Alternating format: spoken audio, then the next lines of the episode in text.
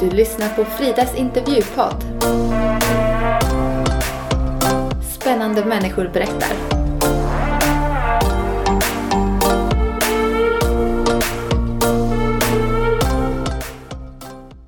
I det här poddavsnittet ska ni få lyssna till Rebecka. Som ettåring hämtades hon av sin svenska familj på Arlanda. Alla runt henne tycktes tro att hon ville hitta sina rötter igen. Men Rebecka hade aldrig en längtan tillbaka till Indien. En dag får hon möjlighet att träffa sin biologiska mamma. Tillfälligheter eller Guds ledning? Lyssna på denna fina livsberättelse. Jag hade det klart för mig tyckte jag. Och mamma var såhär, hon bara, ska du åka till Indien? Jag bara, nej jag ska inte åka till Indien. Hej Rebecka! Hej! Vad roligt att jag får komma hem till dig och eh, intervjua dig. Ja, så kul att du ville komma hit. Ja. Vem är du om du skulle beskriva för de som inte känner dig? Ja, jag är en, eh, en lärare som jobbar med högstadieelever och försöker lära dem engelska. Eh, Jag älskar språk och resa Mm, och musik. Tycker om att spela fiol, och spela piano och sjunga. häftigt. Har du alltid varit musikalisk? Eh, Jag började spela fiol när jag var åtta. Och så spelade jag hela skolgången. Och sen har jag sjungit i kör i kyrkan och så här. Så att det har alltid funnits med, mer eller mindre, på olika sätt. Vad kul. Mm. Tog det lång tid innan det lät bra med fiolspelandet? Ja, det gjorde det. Eh, när jag hade valt ut instrument och kom hem så att jag skulle spela fiol så sa min pappa nej, kunde du inte ha valt någonting annat? Det är ju en tendens till att det kan låta lite illa liksom. ja, Mm, men i början fick man inte spela med stråke, utan då fick man bara knäppa. just det. Tills man lärde sig hitta tonerna. Vart de satt. Ja. Eh, hur bodde du när du växte upp? Ehm, Jag är uppvuxen i en liten stad, Lindesberg, utanför Örebro. Det bor 10 000 där. Ehm, Så det var väldigt tryggt. Vi bodde på en, ja, i ett bostadsområde och det var många barnfamiljer. Så jag hade många kompisar på gatan som jag lekte med. Roligt. Ja, ja, Och där bodde du med pappa? ja mamma, pappa och så har jag en lilla syster. Andreas som är tre år yngre än mig. Mm. Du har ju en väldigt spännande berättelse. Även om du växte upp i Lindesberg så är du ju inte född där. Vill du berätta lite om de första åren som du kanske inte minns men kanske fått återberättat? Mm. Ska vi ta det från början? Ja. säga? ja. Eh, Jag blev adopterad till Sverige när jag var ett år drygt, i maj 1981. Och kom då från ett barnhem i Indien. Eh, Jag föddes uppe i norra Indien, nordöstra Indien, eh, ganska nära Darjeeling, där de gör te, uppe i Ah. bergsbygden. Eh, det som jag har fått berättat för mig efteråt ehm, är att min mamma, hon kunde inte ta hand om mig för att den som var min biologiska pappa lämnade henne. Eh, och kvinnor i Indien som är ensamma, det är inte så lätt att klara sig. Och då var det en svensk missionärskvinna som jobbade med mission där. Och hon är gift med en indier. Så hon och hennes man hade startat ett barnhem i en liten by som heter Sonada. Eh, och de träffade på min mamma där. Eh, och hjälpte henne så att hon fick ja, hjälpa till att jobba hos dem. I princip som kokerska och laga mat och så. Och då hade hon med mig dit. Eh, och så såg de att jag mådde inte alls bra. Jag var väldigt sjuk. Och hon hade inte bröstmjölk att amma mig och så. Så att hon gav mig ris. Vilket inte är riktigt lämpligt. Så att de hjälpte till då och se till att jag kom till ett barnhem i Calcutta. Mm. Eh, Storstan. Ja, verkligen. Men det var, som jag förstått det så var det ett barnhem som de hade samarbetat med innan. Eh, och det var kopplat till ett ad- adoptionscentrum som är en svensk organisation. Eh, och sen därifrån så kom jag till Sverige. och eh, mina föräldrar här, de hade varit, försökt få barn själva länge. Jag har varit gifta i 13 år. Men inte ja, lyckats. Och då var det inte lika vanligt med olika, de här olika metoderna och allt som vi har idag. Och sen är de också väldigt så här att det finns så många barn i världen som inte har föräldrar så att konstgjord väg kändes inte riktigt rätt. Så då tänkte de att vi adopterar. Och så blev det att de adopterade mig. Mm. Eh, Och min syster är också adopterad. Eh, Vi är inte biologiska syskon, men hon är också från Indien. Finns det någon likhet mellan er? Ehm, nej, vi är väldigt olika både till utseende. Jag har mer det här asiatiska utseendet, så många tror att jag är från Kina eller Bhutan eller Tibet eller så. Medan min syster har mer det typiska indiska, om man tänker sig. Ja. Hon är från Calcutta. Ehm, Och sen är vi väldigt olika som personer också. Och eh, de hämtade dig på Arlanda. Ja, precis. Det var ju som sagt eh, väldigt länge sedan. Det var ju på början på 80-talet. Så då var det så att det var några som eskorterade mig på, eh, med flygplanet. Och sen så mötte de mig på flygplatsen. Lilla ettåringen. Ja, lilla. Ja. Eh, och jag var väl inte jätte, mådde inte jättebra då heller. Så här, och hade varit undernärd och sånt. Mm. Men jag hämtade mig ganska snabbt. Fantastiskt. Ja, det, Vilken, det är en så fin berättelse att, Eh, att de får ett barn och att du får ett bättre liv, tycker jag. Ja. ja, och det är någonting som har följt med mig sen för att de har ju alltid varit öppna med att jag är adopterad. Liksom. Jag har ju alltid, så länge jag kan komma ihåg så har jag vetat om det. Vi har pratat om Indien och så här, man har förstått att ja, men det är ett fattigt land och det är svårt och jag har inte vetat så mycket om mina hemförhållanden, eller liksom ursprungsföräldrar så. Jag fick med mig en, ett foto av eh, min mamma eh, när hon höll i mig och jag visste att hon liksom inte kunde ta hand om mig.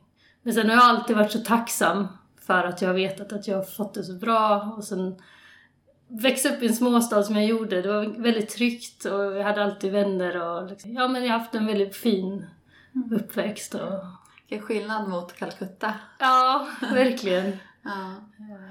När du, du berättade att du nästan alltid har, har vetat att du har varit adopterad. Mm. Kommer du ihåg första gången de sa det? Nej, den, nej. Så det har alltid varit en naturlig del? Ja. liksom. Mm, när man pratar med, kompisar också så här, och, Men de näst, mina kompisar, kommer jag ihåg när jag var barn, de glömde nästan bort att jag inte var född liksom, Ja. i Sverige. Så. Ja. Var, Eh, hur kände du dig? Att liksom, kände du dig som svensk eller kändes det naturligt för dig? Eller hur upplevde du din barndom? Ja, jag har nog alltid känt mig svensk och som jag sa, jag har alltid varit tacksam. Och jag har egentligen aldrig funderat så mycket på det heller. Just kanske för att man har haft det, känt att man har haft det bra. Eh, Jag vet ju att det finns de som kanske inte har känt sig lika hemma eller känt sig som att man passar in på samma sätt. Och då kan jag tänka mig att det blir mer frågor och man blir såhär, okej vem är jag egentligen? Sen har jag kanske funderat mer när man blir äldre sen. Hur mycket är det som på, alltså vad är det som gör att man är som man är? Hur mycket att man är adopterad och hur mycket andra saker i livet som man stöter på liksom. Hur är dina svenska föräldrar som personer? Eh, de är väldigt eh, godhjärtade skulle jag vilja säga. Väldigt eh, om- om- omhändertagande. båda har jobbat inom sjukvården. Och båda har, eh, jag är uppvuxen i kyrkan. Så vi har varit med i en pingstförsamling hemma som de båda är fortfarande engagerade i. Så det har alltid också varit en naturlig del. Eh, så jag skulle vilja säga att det har varit väldigt tryggt och väldigt, också väldigt så här, eh, vad ska man säga? Ja men inte kontrollerande. Jag hittar inget bra ord nu. Mm, Men jag att de stöttar mig i det som jag beslutar har Mm. alltid gjort. Liksom att du får välja själv. Vi kan inte säga, men vi står bakom dig liksom. Vad fin uppväxt du verkar ha haft. Ja, Mm. det tycker jag. Har du under ditt liv träffat på andra som också har varit adopterade? Ja, jag hade kompisar i skolan. Så det var väl det enda att man utmärktes. Ibland pratade vi lite om det så här, att man hade det gemensamt. Så, sen har jag träffat andra senare också. Och även träffat som kanske inte har upplevt det lika lätt. Eller så. Ja, det kan ha varit beroende på föräldrarna eller beroende på omständigheter med kompisar och skolan och så. Och då har man också Ja men jag har nog haft det väldigt bra. Så då har man också känt som att åh, jo men jag har haft det bra ändå. Fantastiskt. Ja. ja. Har du någon gång haft en längtan tillbaks till dina rötter? Nej, inte mer än att jag har tyckt det varit kul att resa. Men jag har inte riktigt funderat på... Nej, för det har ju folk frågat innan också. Nu har jag ju varit, men innan Ja. dess så hade jag inte tänkt liksom. För att Du reste ju tillbaks vid ett tillfälle. jag gick på en bibelskola. Eller det är lite komiskt för att efter gymnasiet så funderar man ju på vad ska jag göra härnäst och så här. Och man tänker att man, nu är det för livet som jag måste veta. Eh, Så jag bad väldigt mycket under den tiden och var så här, vad ska jag göra? Jag gick musikestet på gymnasiet. Eh, Så jag tänkte att musik är ju självklart att jag ska gå på en folkhögskola, läsa musik, så jag sökte in på tre olika. Och det var en som jag helst ville in på. Och där hamnade jag på femte reserv. Och då tänkte jag att men då borde jag komma in. Fem, alltså nummer fem är inte så. Eh, och sen så var, sökte jag någon i Stockholm som jag egentligen inte ville gå in på. Så det var väldigt såhär, ja, men jag kom aldrig in på den där. Så insåg jag när sommaren kom liksom, att jag kommer inte komma in på den som jag vill. Mm. Och då sa min mamma, hon bara, ja men ska du inte gå på Götabro? Eh, de har en bibelskola. Eh, jag bara, nah, okej okay, jag kan väl söka då. Så jag gjorde det. Och då gick man en termin på plats och hade liksom teori. Och sen på vårtermin gjorde man praktik. Och då kunde man välja antingen som ungdomsledare i en församling i Sverige eller åka ut i team och se hur svensk evangelisation har fungerat. Så tänkte jag, ah, det kan jag göra. Och då den sommaren så hade vår, vår ungdomsgrupp varit i Belgien och hälsat på vår församlingsmissionär där eh, i en vecka. Så då tänkte jag, men då kan jag hälsa på Gun-Marie i Belgien, det är ju perfekt liksom. Eh, så, så jag hade det klart för mig tyckte jag. Och mamma var så här, hon bara, ska du åka till Indien? Jag bara, nej jag ska inte åka till Indien. Eh, men sen så visade det sig att det var två andra tjejer i den här bibelskolan som skulle åka till Indien, eller som ja, hade planerat det. Eh, så skulle man skicka in ansökan, så jag skickade in för båda då. Tänkte, ja, ifall inte det här sker så kanske andra. Så i november så kom de och sa att eh, då blir vi antagen till team i Indien. Och jag bara, jaha, alltså hur ska det gå till? Och jag har ju inte så mycket pengar för det är ändå lite skillnad på att åka till Belgien och Indien. Belgien och Indien. Uh, så jag var såhär, gud nu, nu måste du hjälpa mig liksom ekonomiskt. Så församlingen hemma stöttade mig och sen hittade jag människor som faktiskt ville supporta mig och så här. Så det var jag och två tjejer som båda hette Anna som åkte. Och då var det också så att många kom och frågade bara, ja men det är klart att du vill åka till Indien eftersom du kommer därifrån och du ska väl hitta din familj eller liksom du ska söka upp dina rötter. Och jag bara, nej nej nej vi ska bara se hur missionärerna jobbar liksom. Alla andra ja, tänkte så, men alla inte andra du. tänkte. men det fanns en tanke med det för att sen så kom vi, eh, vi var i Calcutta, vi utgick från Calcutta med en familj som vi bodde och jobbade tillsammans med. Och sen så visade det sig att den här Lisbeth som jag pratade om innan, hon är fortfarande kvar i Indien med sin man uppe i norr. Eh, och hon och hennes man har sitt barn på samma missionärskola som det här paret som vi var hos. Så på påsklovet då så skulle vi ner till södra Indien eh, och för att de hade påsklov och så. Så då åkte vi ner och då skulle jag träffa henne. Och då börjar man lite så här, jaha, undrar om hon kommer ihåg någonting hon kanske tar hand om barn hela tiden. Ja, ja precis. det är 20 år sedan liksom. Ja. Eh, men sen så träffade vi henne och hennes man där nere och hon, kom, hon var så här, jag kommer ihåg när du var så liten och du var så sjuk och vi tog hand om dig. Och, wow, hon kom ihåg det efter alla dessa ja, år? Ja, hon gjorde det. Och jag bara what? Och sen så var hon så att eh, du måste ju komma upp till oss uppe i norr liksom och se dina hemtrakter och se var du kommer ifrån. Alltså jag var 20, jag var inte så, jag var inte så kaxig eller så eller då var jag ganska blyg och så här också. Uh, så jag var så här, ah, nej jag vet inte, vi har ju massa planer, för vi hade ju planer liksom i vårt program, eller vad man ska kalla det. Uh, men sen så pratade jag med, med pappan i familjen som vi var hos, jag bara, så tror jag kan åka upp själv med tåg om de möter mig och så här. Och Han bara, ah, jag måste kolla med min fru, vi är ändå ansvariga för dig liksom. Och så här. Eh, och sen så kom han tillbaks och någon dag senare han bara Ja, alltså vi pratade om då, det är lite riskabelt att, att släppa själv liksom. Eh, men det vi kan göra är att vi gör en business trip och kollar upp lite resmål och sånt under tiden, så vi alla åker upp. Eh, så, så, det blev ett stort gäng? Ja, det blev det. Så vi åkte hem från den här söderresan tillbaka till Calcutta och sen så skulle vi åka upp med bil då till norr efter att vi hade firat påsk. Och då ringer de från norr när vi är i Calcutta och säger att eh, Ja, vi har en aning om vart Rebeckas mamma finns, så vi har, vi har skickat ut en gubbe, eller en person, att leta efter henne. Uh, och det var såhär, jag bara, jaha? Eller liksom, jag hade ju inte... Du hade inte begärt det? Nej, och verkligen inte alls tänkt att... Alltså jag tänkte att det vore coolt att se var man kom ifrån, men inte alls för tiden också i Indien, då hade jag varit i Indien ett par månader och kände bara ännu mer som att åh, jag är svensk. Även om jag ser ut som dem och de tror att jag kan prata deras språk så är jag verkligen svensk i hjärtat. Mm. Liksom. Eh, Men sen så åkte vi upp då, så vi åkte upp till Kalimpong där det här paret, Lisbeth och Dipak, bodde. Eh, Och sen skulle vi åka upp till den här lilla byn som heter Sonada ett par dagar senare.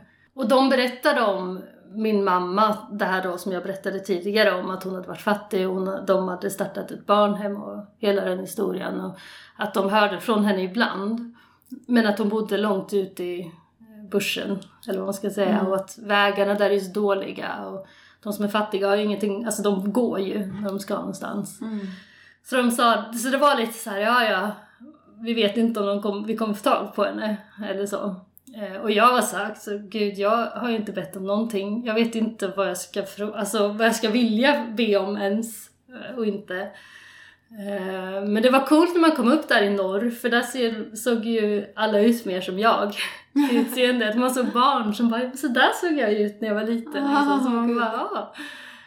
Men sen dagen innan vi skulle upp till den här byn då så ringde de igen från det här barnhemmet och bara ja, nu sitter mamma, eh, Rebeckas mamma här och väntar på att få träffa henne. Wow. Så man bara ja. Oj, Och jag, vad kände du då? nej men alltså jag, är ganska, jag har alltid varit ganska lugn. Eh, och, alltså jag oroar mig inte så mycket. Och, så här, Gud har alltid varit den som jag går till och litar på. Och det var likadant då för att hon här, Lisbeth, hon är lite mer livlig. Så hon var så här, "Åh, Rebecka det här är det största dagen i ditt liv, hur känns det? Jag bara, bra. Eh, Men jag var så här, jo men det känns bra. Jag, som sagt, jag vet liksom inte, jag har inte bett om det här. Så jag, jag, men jag är glad om det händer och sen vet jag inte riktigt hur jag ska reagera. Eh, och sen så åkte vi upp då och då var det så bra för att eh, Lisbeths man Deepak, han kunde prata både nepali och svenska. Så vi hade liksom direkttolk Wow. där. Och sen så träffades vi på det här barnhemmet. Då kom hon som var min mamma kom och tog tag i mig i armen. Så jag bara, är det hon? Eh, och Lisbeth vad gör där? Och sen så, eh, så satt vi och pratade under en eftermiddag då. Eh, med hjälp av, av Deepak där. Hur var första mötet med din mamma? Nej men det är så coolt, för att det som var coolt, som jag tog med mig, eh, sen minns jag säkert inte allt, det är så länge sedan, men var ju att hon är kristen kvinna också. Och hon berättade att jag har bett varje dag till Gud i två år att, eh, att du ska komma hit, att jag ska träffa dig. Och då bara, aha! Här har jag sprungit runt och liksom, jag ska inte gå på den bibelskolan, jag ska inte göra det, här, jag ska inte göra det liksom. Och sen, jag menar, Wow. Gud måste ju ha hört hennes första bön. Mm. Eh, Så då kände jag bara, okej, från och med nu frågar jag alltid honom först, liksom, ännu mer. Ah. Och att jag kan göra planer. Men om det inte alltid blir som jag vill så finns det en anledning till det, liksom. Och då var du och det mötet blev hennes bönesvar? Ja, precis. Och, Wow. eh, hon hade gift om sig med en kristen man och hade fått barn med honom. Så jag hade halvsyskon, så en halvsyster var med. Oj. Eh, men jag kände inte, till, till min biologiska mamma kunde jag ändå känna liksom att vi såg ganska lika ut och man kände ändå någon connection så. Eh, och Lisbeth sa att indiska kvinnor kan ofta bli väldigt hysteriska, alltså känslosamma och lite hysteriska när det gäller deras barn. Men hon var väldigt lugn. Eh, och hon sa det att eh, hon, hon var väldigt, också väldigt lugn i sin tro och liksom. Och där kunde man känna, aha, det är kanske därifrån Kände jag du igen lite i dig själv? Ja. precis. Häftigt. Så, och sen så var hon också, för då, jag hade hela tiden kontakt med mina föräldrar här och berättade liksom. Och, ja, och där var det återigen, de bara, ja men du måste göra det som du tycker är liksom bra. Och så får du hälsa till henne liksom. Och, så här, och hon, då sa hon, jag tyckte det var så fint, för hon sa att de, jag har gett dig livet men de har fått det att växa. Eh, Oj, vad vackert. Ja, jag tyckte det. Och det, det visade på liksom en frid över att, att jag hade växt upp någon annanstans. Liksom. Sen är det väl alltid svårt såklart, måste vara ens barn. Men, Mm, mm. men ändå. Vad var de första orden hon sa till dig? Och jag kommer faktiskt inte ihåg. nej. Eh, och vi filmade men, men det har, finns tyvärr inte kvar. Eh, så, men jag kommer ihåg att jag var lite så här, jag bara, alltså vad ska jag fråga henne? Vad ska jag säga? Mm. Så inte på ett dåligt sätt utan Nej. mer så att, eftersom jag inte hade tänkt på det innan riktigt liksom, eller så här. Hur kändes det att hon hade längtat efter dig? Jag tror bara jag såg eh, Gud i det hela liksom. Jag tror att jag var så ung då. Så jag tänkte inte liksom utifrån hur det kunde ha varit för en mamma som jag skulle kanske Mm. kunna göra idag. Mm. Även om jag inte har några barn så är man ändå äldre liksom och man tänker på ett annat sätt. Men på något sätt så utifrån hur de pratade kändes det som att jag fanns fortfarande i hennes bild, äh, värld liksom. Vad fint. Eh, Ja. Ja. Och, Hon bar dig i sitt hjärta på ett sätt kanske. ja, eh, och sen så har de hört av sig för hennes, en av mina halvsyskon då, han är bättre på engelska. Eh, Så han har hört av sig eh, ibland och så här. Och, Då har du liksom ett stående hem där i Indien ifall du vill besöka. ja, ja, precis. Eh, Mm. Så vågar man inte lova. Nej. Men ibland har jag tänkt att det vore häftigt att åka tillbaka liksom. Men samtidigt så känner jag att det är ingenting man bara så här, oh, gör. Utan det måste vara rätt timing och ja, rätt syfte liksom. Mm. Vad hände sen på din resa då? Vi träffade under den resan en annan kvinna som var svensk. Som var, hon måste ha varit kanske 60 då. Sån här superkvinna. Som Mm. åkte ner, hon hade åkt ner varje år i 15 år. Och samlade in pengar hemma. Och sen åker hon till vissa byar och så och ger pengar och delar ut kläder och sånt. Ehm, så det var genom henne först som, för vi träffade henne ett par gånger under vår resa. För det blir så att vi, man rör sig inom samma liksom, organisation så. Mm. Hon fick ju höra om detta, så hon åkte hem till min mamma på något sätt. Och eh, I fick... Sverige? Nej, Nej, utan i i Indien. Indien. Ja, så hon var den som förmedlade kontakt sen från den här halvbron till mig. Mm. Eh, de första åren där. Och sen varje gång när hon skulle åka ner så ringde hon alltid mig innan och så här, har du någonting du vill säga? Jag vill bara höra hur du mår, vart bor du? För jag flyttar runt ganska mycket. och vad gör du nu? Och så här. Så ibland skickade jag med någon så här, något brev och någon foton eller jag skickade med någon klocka någon gång vet jag. För det var en stor grej för de har så armbandsur. Ah, wow. så. Vad coolt att du har så många runt dig i den här berättelsen som har hjälpt dig Ja, dit fast Det är att du inte hade en tanke på det. Liksom. ja men det är verkligen. Mm. Ja, men det är som sagt, summan av hela det är ju bara Guds storhet. Både att han hade hennes bön, men också som du säger, alla människor runt omkring som såg det inte jag såg och hjälpte mig Mm. liksom. Och, ja. Du pratade lite om resor och sådär. Eh, även om du kanske inte haft den starkaste längtan att åka till Indien just. Har du längtat eh, efter något annat land lite mer eller varit på någon spännande plats? Eh, ja, alltså detta var ju 2000. Sen bodde jag i Australien tre år, eh, 2005 till 2008. Och gick på college med Hillsong. Det var fantastiskt. på många sätt också. Och så gjorde jag ett halvår i eh, England när jag pluggade till lärare. Så gjorde jag en utbytestermin.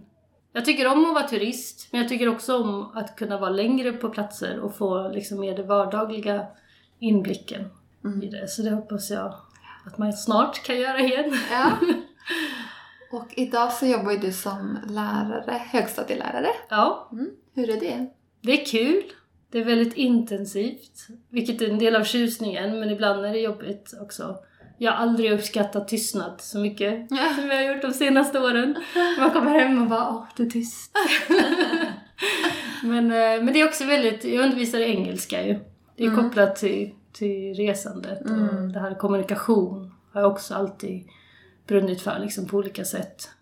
Eh, Jag jobbade med en, en tjej som var handikappad, som var både blind och hon pratade inte. När jag pluggade så var jag personlig assistent till henne.